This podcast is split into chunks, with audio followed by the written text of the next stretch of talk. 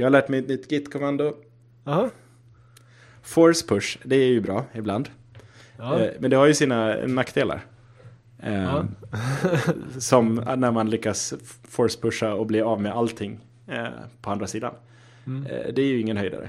Eh, så det finns faktiskt, Git har faktiskt en, ett kommando som inte är så välkänt som heter force with lease.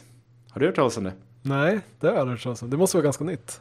Ja, jag vet inte när det introducerades, men eh, jag hade inte hört talas om det jag har använt Git varje dag i, i massor med år.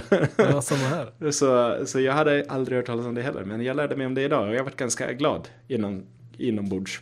Ja. Eh, force with lease, alltså det som Force gör är ju att om du har eh, ett eh, lokalt träd av Git eh, som inte stämmer överens med eh, din remote så kan du eh, skriva över det som är remote. Eh, Per standard om du skriver git push och så eh, stämmer det inte överens att de sakerna som, det, vill säga att det inte går att fast forward istället så att det, är det den kollar på.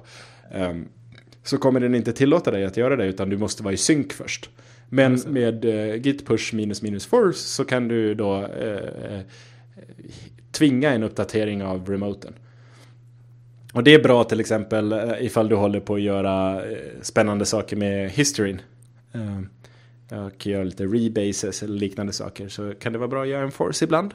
Mm. Eh, Men det man vill undvika då det är att du vill ju egentligen bara använda force när du vet vad, vad din remote är för någonting. Ja, just det. Och det är vad, precis vad force with lease gör. Om du kör git push minus minus force with lease så eh, tillåter den bara dig att göra en force push ifall din lokala eh, kopia av eh, din lokala kopia av eh, remote är exakt likadant som remote är. Ja, just det. Så ja, att det är den, perfekt. Det är det man alltid vill ha. Precis. Så den hindrar dig ifrån att eh, säga att du och jag jobbar på samma sak. Och så sitter jag och eh, kodar på någonting och pushar upp en sak och så inser jag, oh shit, det där vart helt trasigt. Nu måste jag fixa det. Eh, och medan jag fixar det så pushar du en commit. Om jag då force pushar min nya commit, då tar jag ju bort det du har gjort. Ja, det. Och det är ju precis det man inte vill. det är ju det värsta fa- fa- fallet av force push egentligen. När man tar bort vad någon annan har gjort. Force with lease skulle ha hindrat mig där för att jag inte hade uppdaterat först. Och hade jag uppdaterat så hade jag sett att du hade pushat någonting till den branschen. Ehm, och då hade jag ju inte gjort en, en, en force. Så eh, mitt förslag för alla i dagsläget om ni behöver göra force push ganska ofta det är att ni gör ett alias som gör git eh, push eh, minus minus force with lease och så kallar det push f eller någonting och så börjar du använda det aliaset istället för push minus minus force.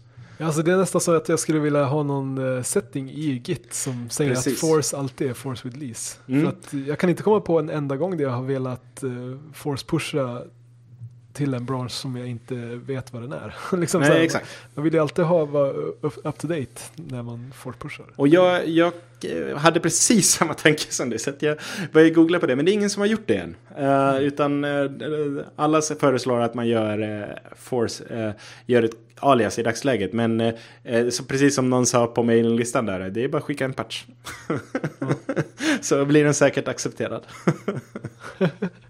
Ja, där har vi ju ett eh, tips för någon som vill lära sig programmera. Det är kanske testa att patcha Git så att den alltid gör force with lease.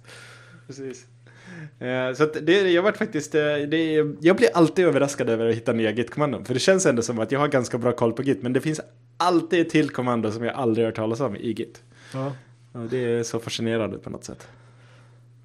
Ja, alltså Ja. Jag, jag har liksom, det, jag är lite blind för jag har använt Git så länge. Men det, jag hör ofta att liksom Git är för komplicerat och svåranvänt och så här. Och jag vet inte riktigt om jag håller med. För att liksom det är så att jag har, det är en ganska begränsad mängd kommandon i Git som jag har lärt mig. Och så Mm. jag klarar mig på, liksom, jag klarar mig på i åtta år eller hur länge det nu är.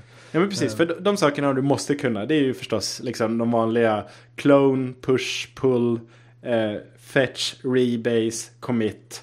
Ja. Det är ju, där någonstans kommer du väldigt, väldigt långt. Merge, checkout. Ja. Och det men det, sen finns det ju en massa mer i Git. Liksom det, det, det är ju en väldigt, det är, de har ju väldigt mycket mer i där som Mm. jag aldrig ens har tittat på. Eh, som jag inte använder. Att, eh, Nej, och det, och det, eh, det ofta så tänker jag så här, eh, ah shit, det ju schysst om Git kunde göra X. Och så eh, i stort del så finns det nästan alltid en lösning för det. Ja. Eh, och det är ju det som gör på något sätt jag tycker Git gör så otroligt eh, liksom, värdefullt i dagsläget. Det är ju att eh, om du tycker att du har en konstig setup så är, är jag helt övertygad om att det är någon annan i Git-världen som har använt den setupen redan. Ja. Det är min, min gissning i alla fall.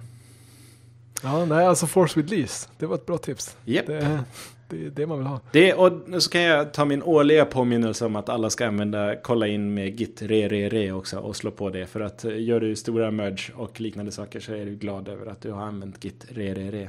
Så har jag påmint om det också. så är det. Ja, men eh, då så, det var väl det. Ja, fint fint. Nu ska jag återgå till att slåss med det här. Jag har hittat vad felet är. Ja, Och det är Perfekt. ingenting med grafikdriven rutiner att göra. Så att jag är väl på någorlunda glad för det. Ja. Det visar sig att URL, av någon anledning när jag startade och använder kommandot för att sätta skärmen Mm. eh, så laddar den inte URLen till webbsidan. Så, nu Ja, måste Okej, så jag- det är svart bara för att den inte har laddat någonting? Japp. Det är inte för att Och eh, när jag går ur fullscreen eller stänger applikationen då laddar den URLen, ser jag i loggen. Så att Ja, okej. jag vet inte fan vad som händer där men det blir spännande att leta reda på. Ja. Ja, lycka till. Alright, ha en bra dag. Detsamma. Hej. Hej.